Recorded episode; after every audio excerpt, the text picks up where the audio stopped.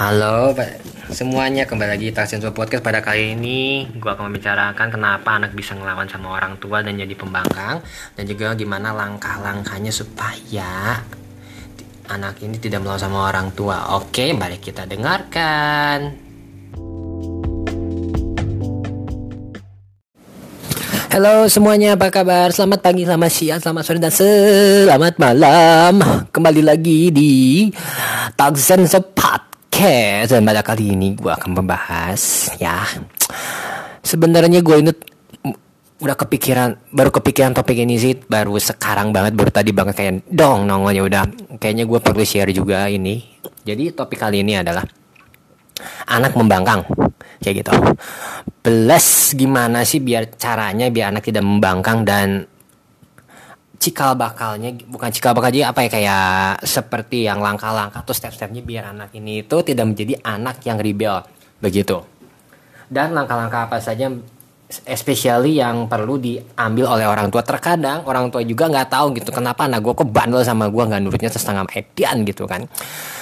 Nah, di kali ini gue akan membahas sedikit dan bukan membahas ya, akan sedikit berbagi tentang pengalaman gue soal anak membangkang seperti itu ya gitu anak ribel anak membangkang anak yang istilah itu agak bisa dibilang bukan tengil ya gimana ya? Ya bisa dibilang tengil bocah tengil atau gimana kayak gitu kan. Nah tapi harapan banyak orang tua ya kalau punya anak itu pengen lah anak itu sukses. Ya dong.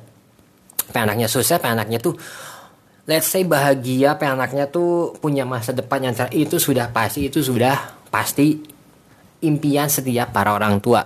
Kurang lebih seperti itu. Gak kurang lebih itu udah kayak telak gitu loh. E, harapan orang tua kepada anak-anak seperti itu. Kalau bisa anak itu kalau bisa tuh nerusin e, usahanya gua atau istilahnya tuh apa yang menjadi pekerjaannya gua kayak gitu.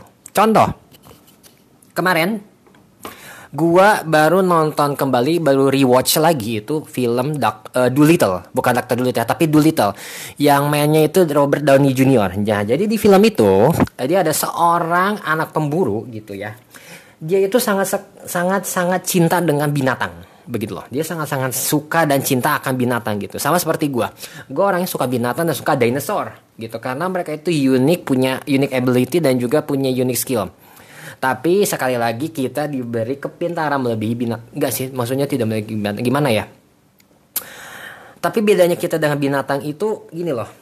Uh, kita punya akal budi, mereka enggak. Gitu loh. Gitu. Binatang nggak punya akal budi. Tapi mereka punya sense gitu. Mereka juga tahu mana uh, yang merupakan bahaya, mana yang bukan gitu. Jadi kayak da pada dasarnya kayak kita aja, kita tahu kan kalau itu bahaya nggak dideketin. Kayak gitu loh. Kalau itu bahaya nggak akan dideketin kalau itu bahaya nggak akan di uh, istilahnya tuh nggak akan disamperin gitu. Kalau misalnya orang itu menyenangkan sayang ya kita akan sayang balik. Itulah natural instingnya setiap makhluk hidup begitu. Tapi untuk akal budi mereka nggak ada. Kayak gitu loh. Kalau kayak gini tuh bagusnya diapain ya? Kalau kayak ini gimana bagusnya diapain ya? Kayak gitu Con atau enggak kaki gue kejepit yang harus dilakukan apa? Ya dibuka. Gitu loh yang menjepit kaki kita ya dibuka kayak gitu loh. Nah kalau binatang nggak bisa kayak gitu. Itu bedanya kayak gitu. Tapi kalau intelektual ya ada beberapa binatang intelektualnya melebihi manusia ya. Contoh lumba-lumba dan anjing gitu loh. Ini gue nggak menyamakan manusia dan anjing, tapi gue gua uh, bilang kayak gini. Ini agak sedikit uh, sedikit agak melenceng, tapi gue ya mau gue kasih tau. Jadi anak ini ceritanya suka binatang gitu tapi bapaknya ini seorang pemburu. Begitu. Jadi pada suatu kali ada satu scene di mana anak itu suruh nembak bebek. Gitu. Suruh nembak bebek. Nah, jadi si bapaknya ini nyuruh anak yang pertama buat bikin si bebek-bebeknya itu pada terbang semua gitu. Terbang semua ke angkasa. Dan si anak ini disuruh nembak sama bapak. Ayo tembak, ayo tembak, tembak, tembak, tembak, tembak. Karena terlalu cupu, terlalu gimana? Bukan terlalu cupu sih karena gimana ya kurang apa? Bukan kurang ahli sih, jadi bisa dibilang ini gak ada keberanian buat nembak gitu. Bukan gak kurang ahli, dia itu gak ada keberanian karena dia saking sukanya sama binatang. Jadi begitu tembak dia miss kena tupai, dar kena tupai gitu. Dar kena tupai. Udah gitu dia merasa bersalah tupainya sakit kata bapaknya ini anak ini tupai bunuh aja gitu. Bapaknya ngasih pisau gitu ini bunuh aja gitu mau nolong kan ya bunuh aja gitu tapi anak ini malah dibawa ke seorang dokter dokter hewan uh, veteranian veteranian di mana Doolittle ini punya kemampuan bisa bicara sama binatang kayak gitu loh kayak gitu. Nah tapi pada akhirnya anak ini disetujui oleh orang tuanya untuk menjadi veteranian, veteran, veteranian gitu sama orang tuanya karena di situ dia bisa belajar. Jadi di, di situ juga dia belajar ngomong sama binatang kayak gitu. Jadi ceritanya begitu. Jadi Doolittle ini punya kemampuan bisa ngomong sama binatang kayak gitu. Um, jadi memang gimana ya? Jadi orang tua itu pengennya itu kebanyakan, tidak semua, tapi kebanyakan itu anaknya itu jadi kayak mereka gitu. Contoh, contoh, contoh, contoh, contoh. Uh, bapaknya dulu pengen jadi penyanyi, tapi nggak bisa, nggak ada jalan. Mau nggak mau mimpinya itu diturunin ke anaknya. Anaknya kagak demen nyanyi, demen jadi atlet, kayak gitu. Tapi ujung-ujungnya jadi juga singer. Terkenal juga. Itu salah satu kalau kalian tahu namanya itu siapa ya? Uh, ada namanya member Super Junior namanya Donghe. Donghe oh ya taunya Donghe Donghe nah kok nggak tahu Donghe nah itu ada jadi saat dia itu dulu waktu kecilnya pengen jadi artis sama bapaknya nggak boleh kamu jadi penyanyi begitu. Tapi memang kebetulan dia suka di bidang itu. Nah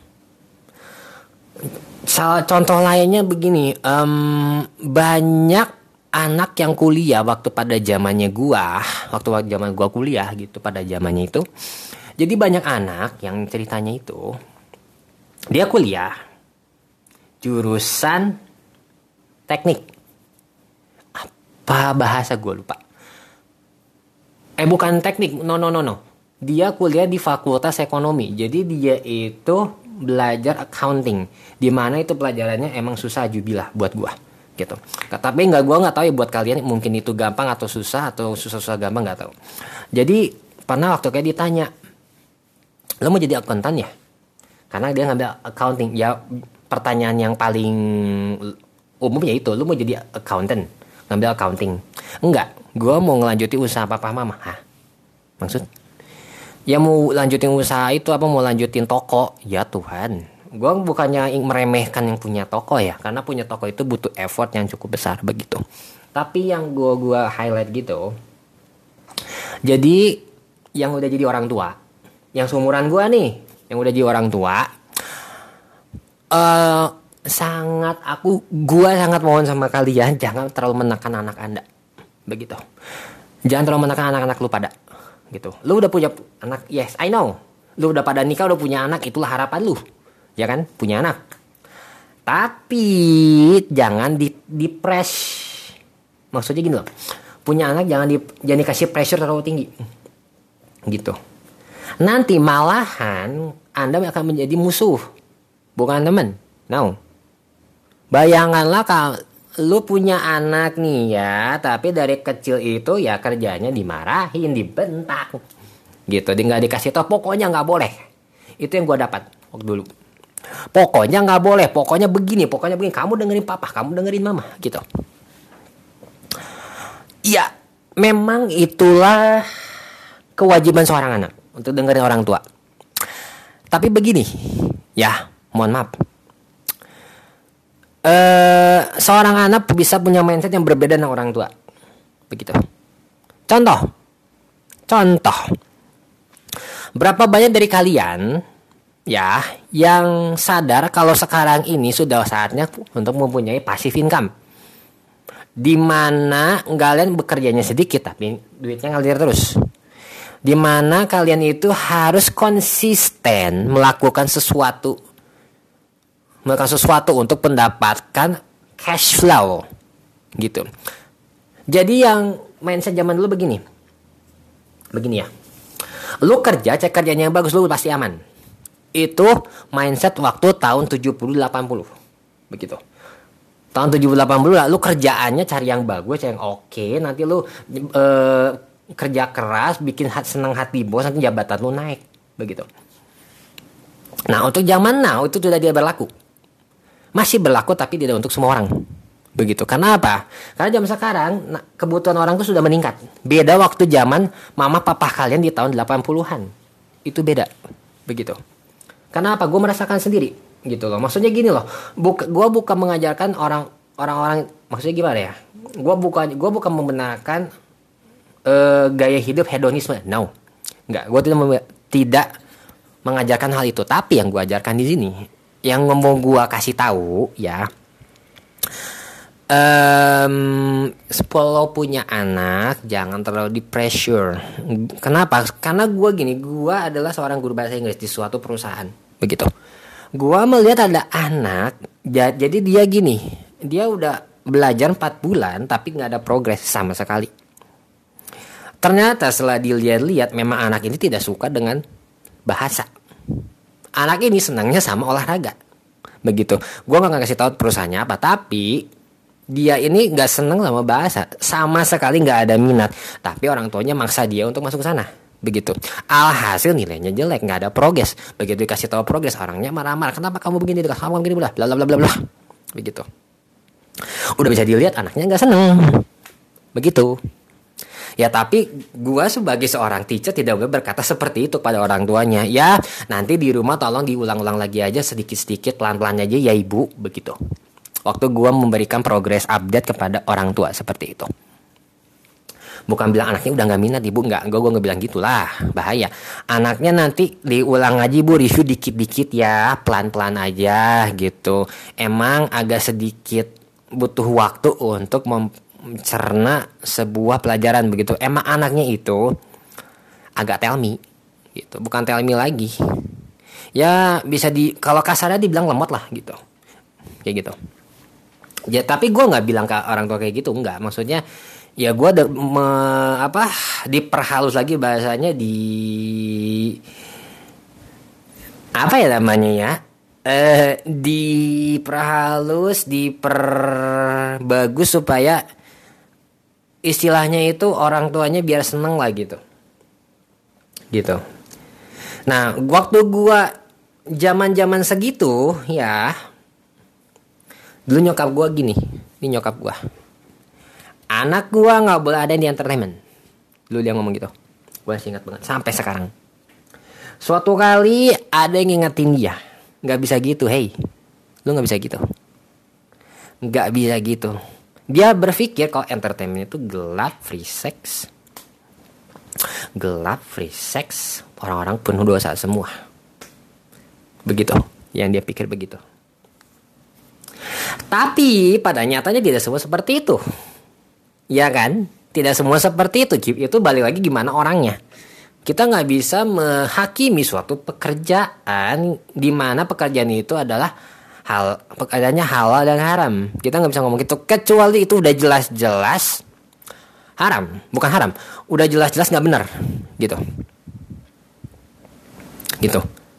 Udah jelas-jelas nggak benar ya jangan dilakuin, gitu. Udah jelas nggak benar lu pamer badan ya jangan jangan jual badan itu udah jelas nggak bener gitu loh karena ke satu ya ke satu nanti urusannya sama masalah kesehatan kayak gitu karena ada ada hubungan medisnya juga gitu dengan pekerja seperti itu. Tapi gue tidak akan membahas itu di sini. Begitu.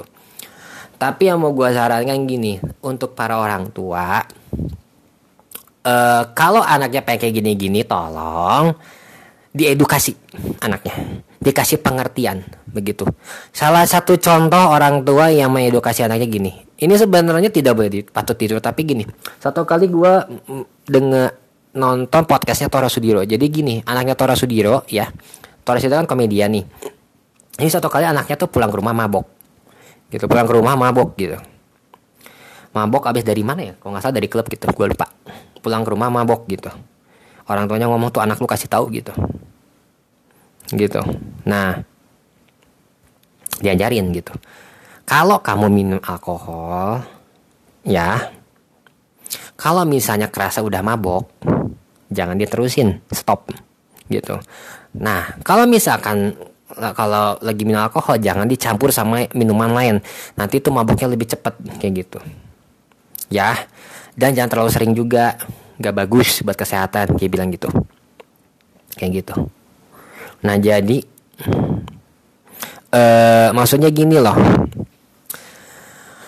Uh, kalau anak kalau misalnya udah anak nanya nih ini apa-apa-apa? Ya jangan heh kamu udah dari siapa? Kayak gitu jangan digituin dulu jangan. Jangan di reject dulu didengerin dulu kasih pengertian. Kalau kamu begini nanti begitu resikonya. Akibatnya nanti begitu. Kalau kamu begitu nanti akibatnya begini. Kayak gitu. Dikasih edukasi gitu. Nah Tora Sudiro bilang nah daripada anak gue nanti gue larang-larang terus dia sembunyi-sembunyi minum ketahuan sama gue sakit hati mending gue kasih tahu sekarang. Kayak gitu loh kayak gitu. Nah jadi hmm, sebalik lagi jadi gini kita harus belajar percaya jadi gini loh bukan kita sih gue punya anak soalnya. Maksudnya gini loh yang udah punya anak buat kalian-kalian seangkatan gue yang udah punya anak mohon sangat sangat sangat mohon berilah kepercayaan kepada anak anda begitu.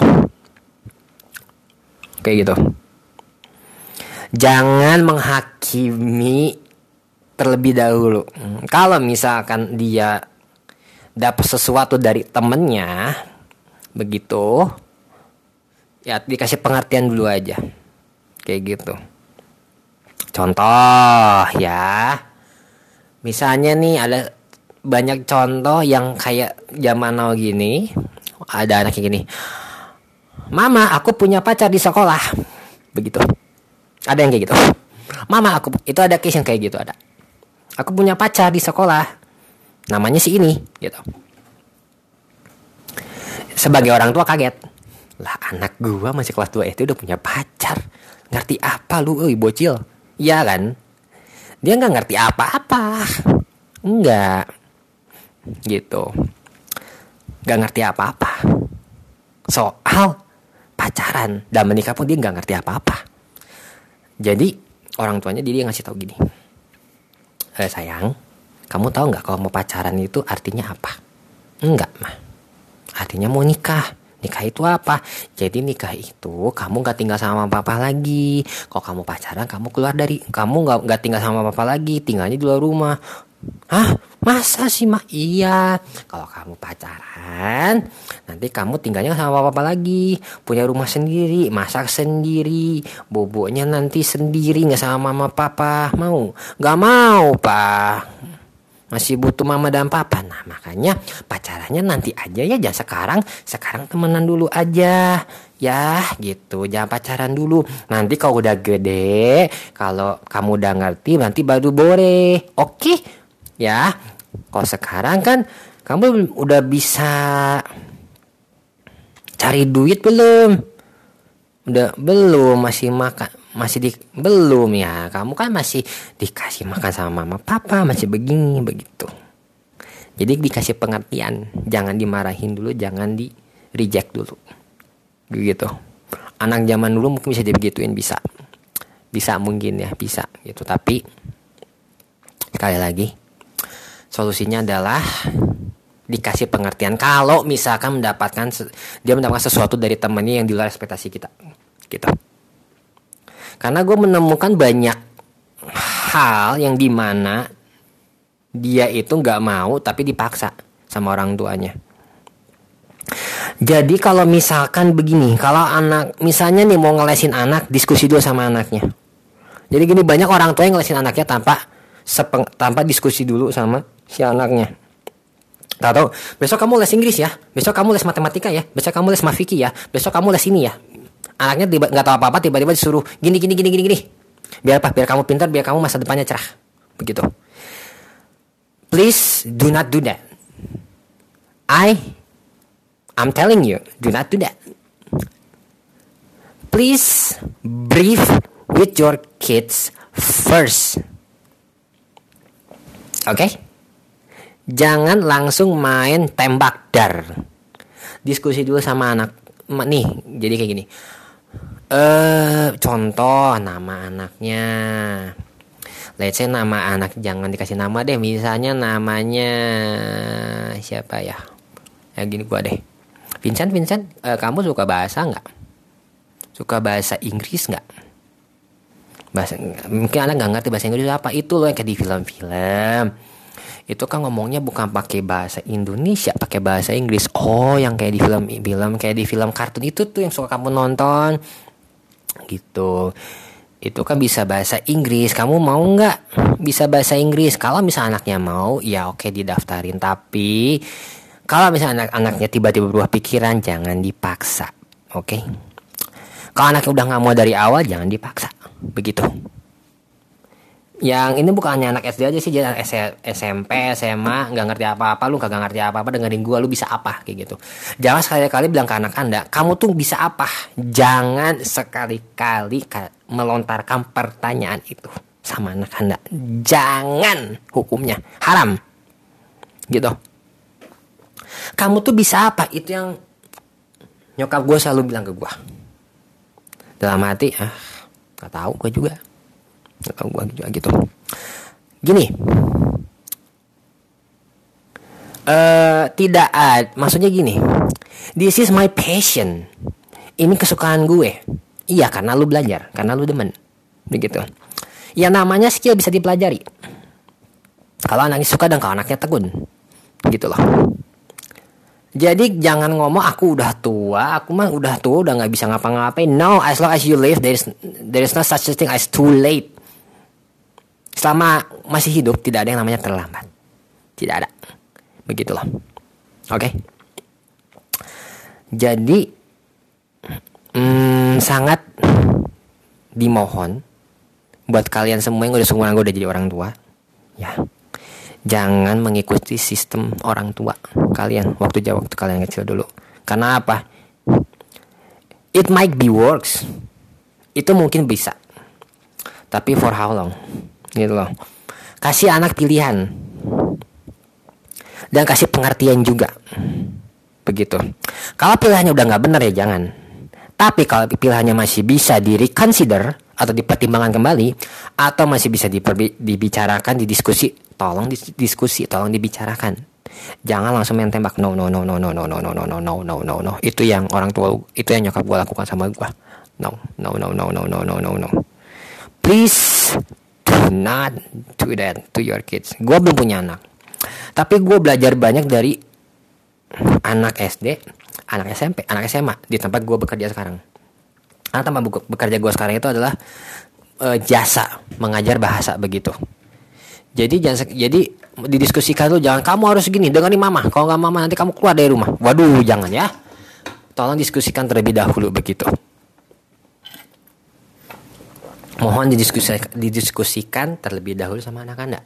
Kalau misalkan anak anak anda ingin dengar-dengaran, begitu.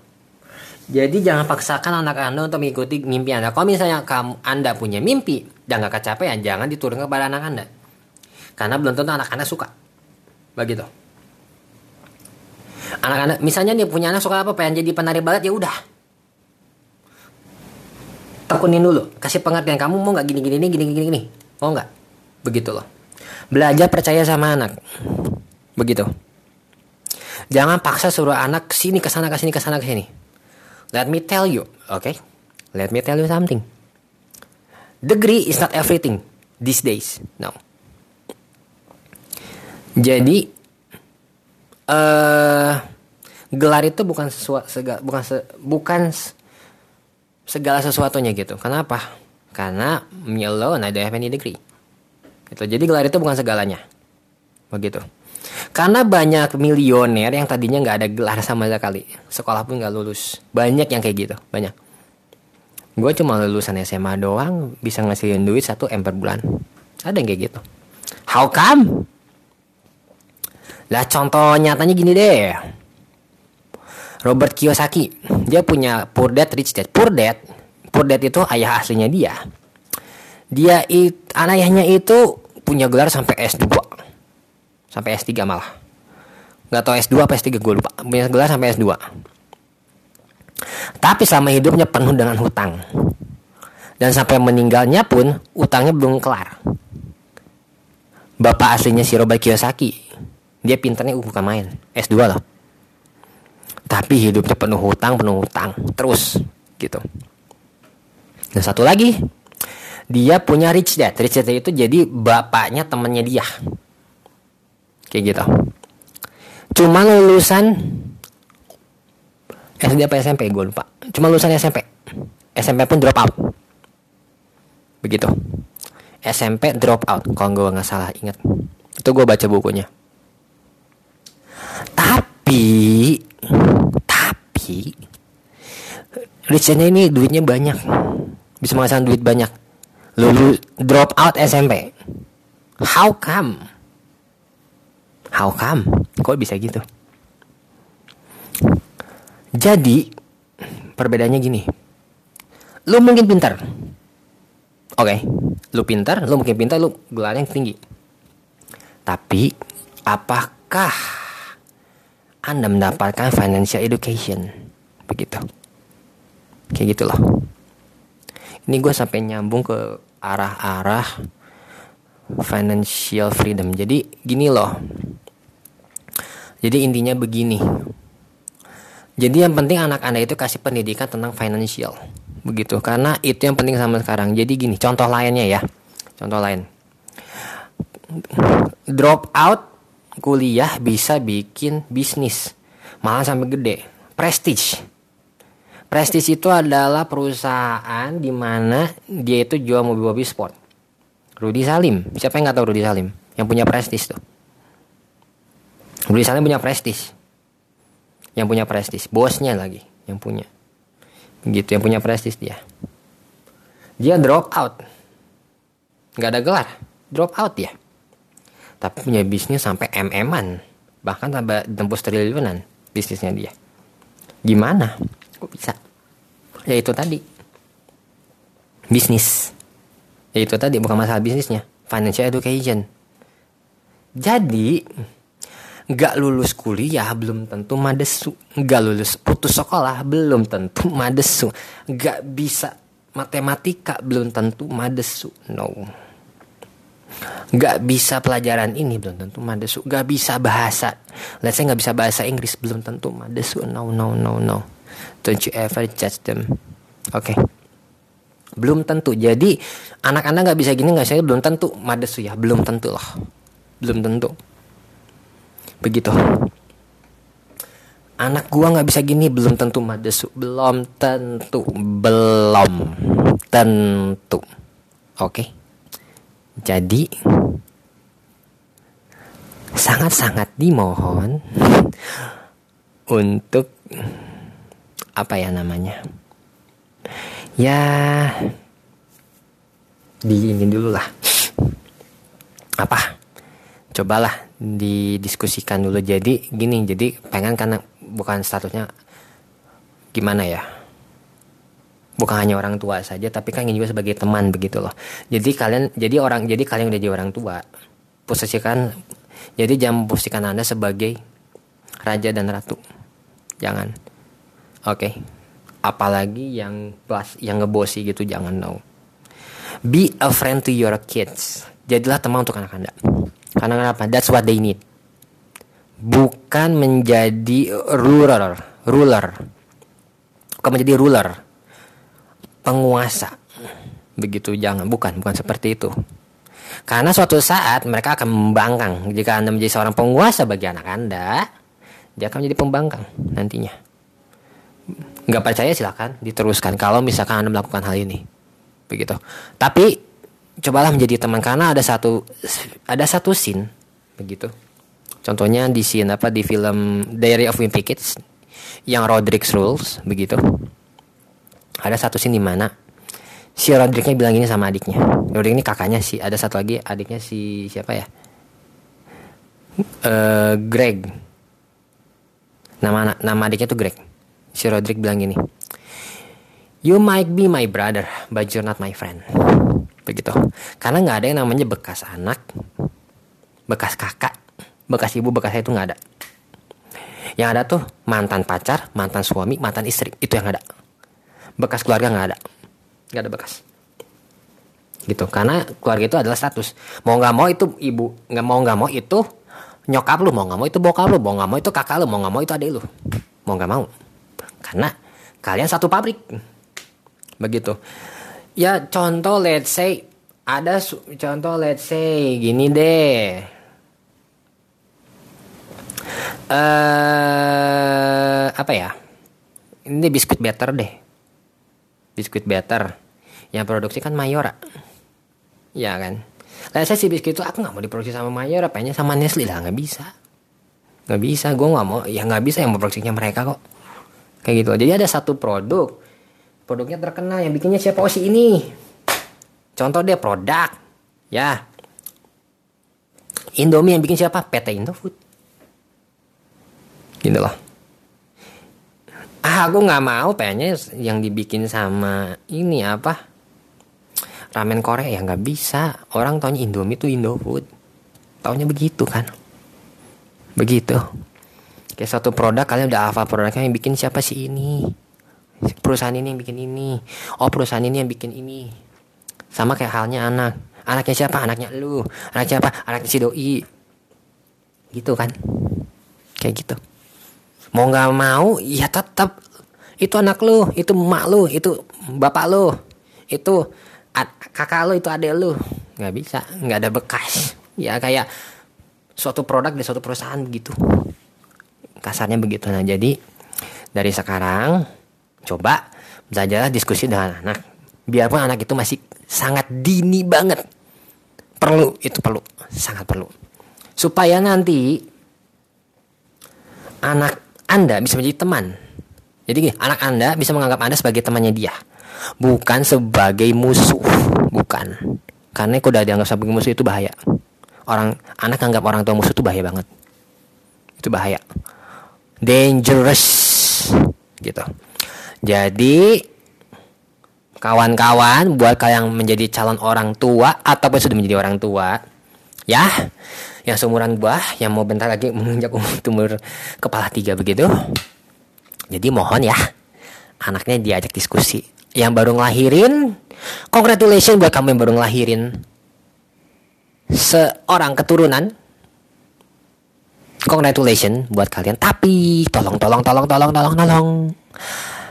Di kalau misalnya anaknya udah udah bisa ngomong udah bisa jalan udah kayak gitu coba mohon di kalau misalnya ada anak mau gini-gini coba tolong diskusi. Ya diajari mah tetap lah. Dididik mah tetap cuma jangan terlalu keras. Nanti malah jadi pembanggaan kan nggak nggak enak juga gitu ke kitanya. Begitu loh Oke doki everybody. Segitu dulu aja tema dari gua. Terima kasih sudah mendengarkan. Yo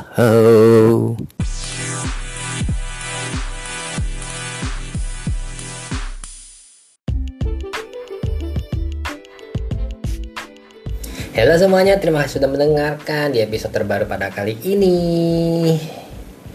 Dan gue berharap supaya episode kali ini bisa membantu kalian, bisa berguna, bisa kalau bisa dipraktekkan lebih bagus lagi.